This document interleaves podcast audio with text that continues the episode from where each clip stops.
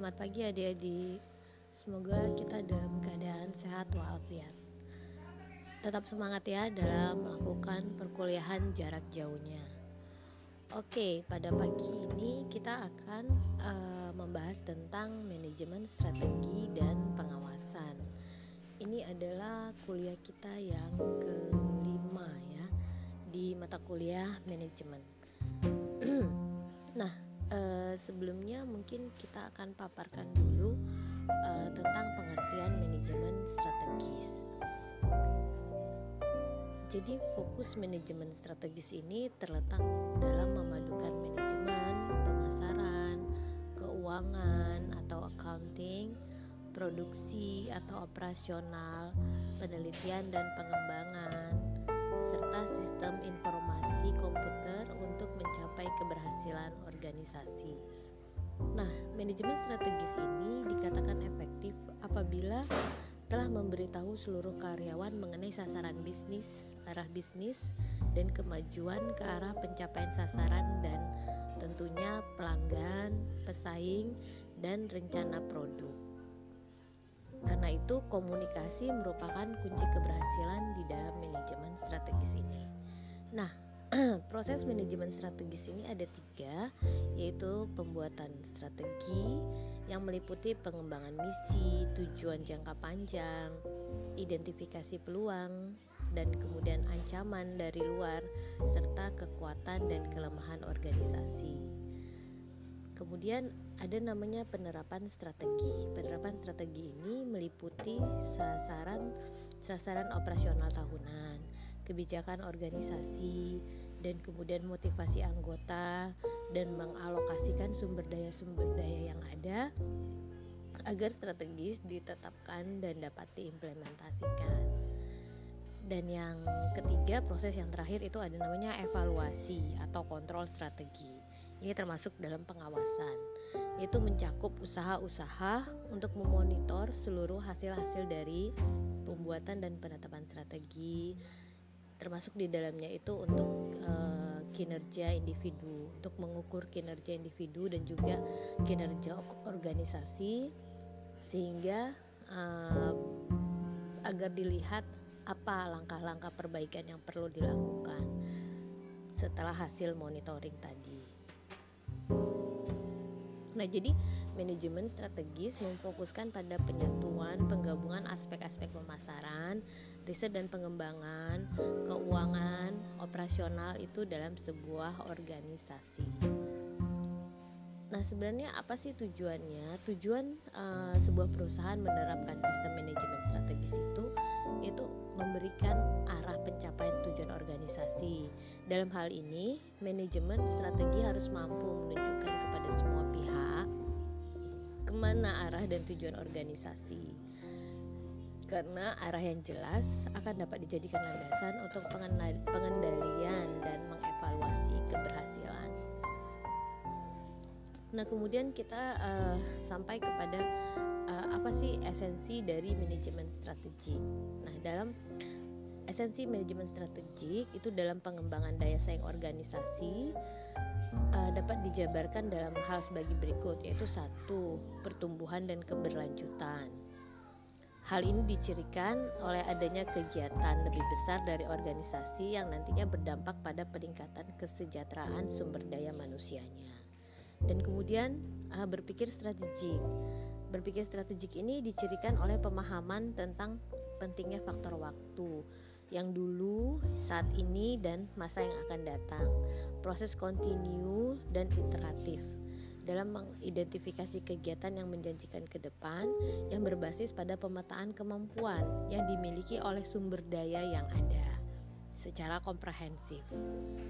Nah, ada yang namanya tadi uh, akhirnya kita sampai pada manajemen strategik. Jadi uh, proses manajemen strategik ini uh, diperlukan pernyataan-pernyataan yang terkait dengan penetapan visi, misi, dan tujuan sebagai jawaban terhadap perencanaan strategi yang telah disusun menurut tingkatannya. Dah, apa sih manfaat manajemen strategi ini? Jadi manfaatnya itu ada beberapa antara lain memberikan arah jangka panjang yang akan dituju, Kemudian membantu organisasi beradaptasi pada perubahan-perubahan yang terjadi dan membuat suatu organisasi menjadi lebih efektif. Kemudian uh, mengidentifikasi keunggulan komparatif dan ada namanya aktivitas pembuatan strategi akan mempertinggi kemampuan perusahaan untuk mencegah munculnya masalah di masa yang akan datang. Karena adanya evaluasi tadi ya. Jadi untuk mencegah masalah. Jadi uh, setelah ada monitoring, evaluasi, kemudian akan ditentukan strategi selanjutnya untuk mencegah masalah-masalah dan lanjut ada keterlibatan anggota organisasi dalam pembuatan strategi akan lebih memotivasi mereka pada tahap pelaksanaannya. Uh, dan yang terakhir adalah aktivitas yang tumpang tindih tidak uh, uh, aktivitas yang tumpang tindih ini akan menjadi berkurang seperti itu. Nah, pentingnya manajemen strategi, pentingnya manajemen strategi bagi perusahaan uh, itu adalah hal yang tadi juga seperti yang saya ungkapkan memberikan arah jangka panjang membantu organisasi beradaptasi pada perubahan-perubahan yang terjadi dan membuat perusahaan menjadi lebih efektif. Seperti itu. Dan uh, bagaimana sih tahapan kegiatan untuk menjalankan uh, manajemen strategi ini uh, jadi tahapannya itu terbagi atas perumusan strategi perencanaan tindakan dan implementasinya.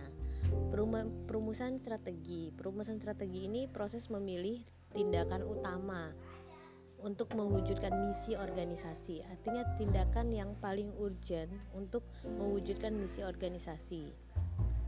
Proses pengambilan keputusan untuk menetapkan strategi seolah-olah merupakan konsekuensi mulai dari penetapan visi sampai terrealisasinya program.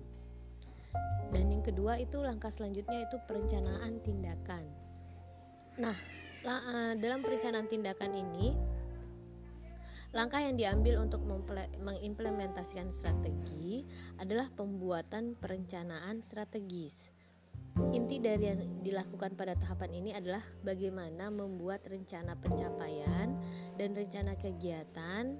Rencana kegiatan itu menyangkut program dan anggaran yang benar-benar sesuai dengan arahan, visi, misi, dan tujuan, dan kemudian strategi yang nanti akan ditetapkan oleh organisasi.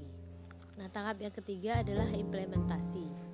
Untuk menjamin keberhasilan strategi yang dirumuskan harus diwujudkan dalam tindakan implementasi yang tepat.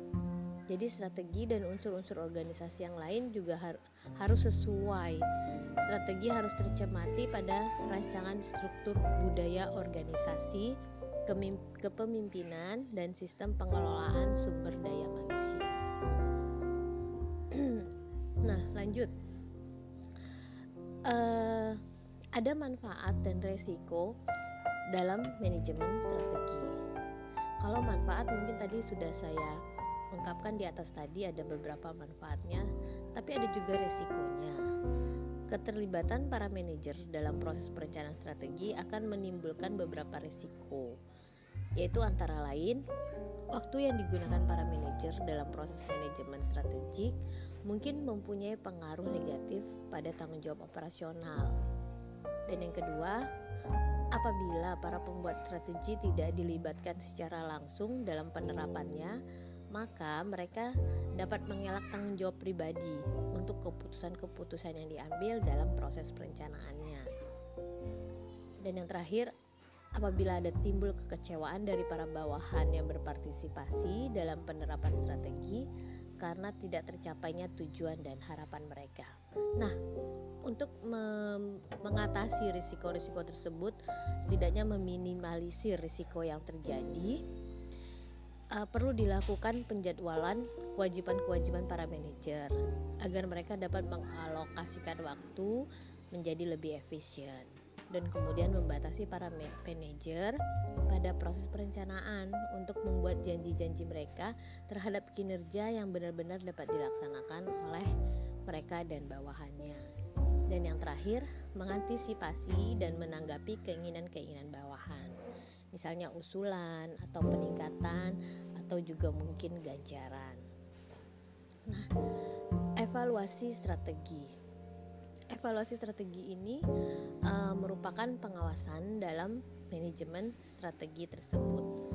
Jadi, evaluasi evaluasi strategi adalah tahap proses penilaian dari hasil kinerja perusahaan yang sesungguhnya dengan implementasi strategi yang diterapkan perusahaan dibandingkan dengan kinerja yang diharapkan.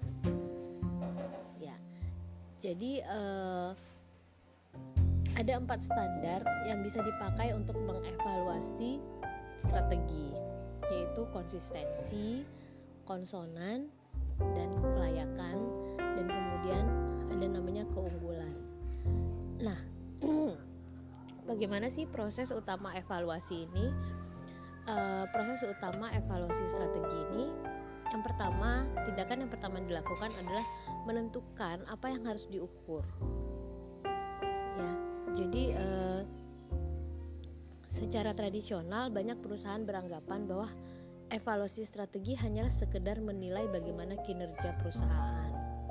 Apakah aset perusahaan meningkat? Apakah profitabilitas meningkat? apakah tingkat produktivitas meningkat, tetapi tidak melihat bagaimana dengan return on investmentnya. Jadi uh, hal pertama standar biasanya mengukur yang diukur adalah hmm, dengan menetapkan standar ini. Jadi perlu ditetapkan standar pengukurannya. Biasanya termasuk menetapkan rentang toleransi, di mana deviasi atau penyimpangan-penyimpangan yang terjadi dapat diterima. Jadi standar pengukuran hendaknya dibuat tidak hanya untuk hasil akhir, tetapi juga hasil-hasil yang terjadi dalam prosesnya. Nah, dalam manajemen pengawasan, uh, istilah di mana kita perlu merujuk pada kinerja yang unggul dari aspek oleh pemimpin uh, industri. Hal ini sering sekali bersinggungan ya di dalam manajemen pengawasan. Dan uh, yang kedua yaitu melakukan pengukuran atas kinerja. Pengukuran ini harus dilakukan pada waktu yang telah ditentukan terlebih dahulu. Misalnya setiap tiga bulan mengadakan rapat dan kemudian dorongan-dorongan uh, nanti akan dirasakan pada rapat-rapat evaluasi di mana biasanya para manajer dalam situasi formal akan terdorong untuk menyajikan hal yang terbaik sehingga aktivitasnya menjadi baik seperti itu. Nah, eh, langkah selanjutnya itu membandingkan kinerja aktual dengan standar yang dibuat. Jadi jika kinerja aktual berada di luar rentang toleransi, maka ada beberapa tindakan yang harus diambil untuk mengkoreksi deviasi tersebut.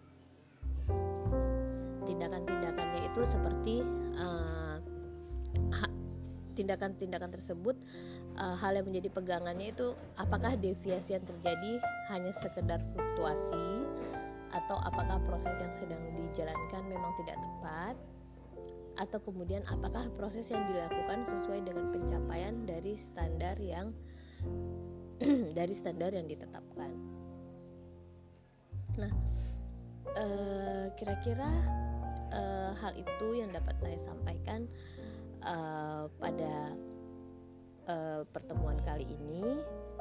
Minggu depan kita akan lanjutkan dengan materi yang sama uh, dengan materi yang sama yaitu tapi dengan mengukur uh, bagaimana pengawasan terhadap kinerja kinerja yang ada. Seperti itu. Jadi ada nanti uh, bagaimana cara model-model pengukuran uh, terhadap manajemen strategi tersebut. Oke terima kasih adik-adik. Selamat pagi dan have a nice day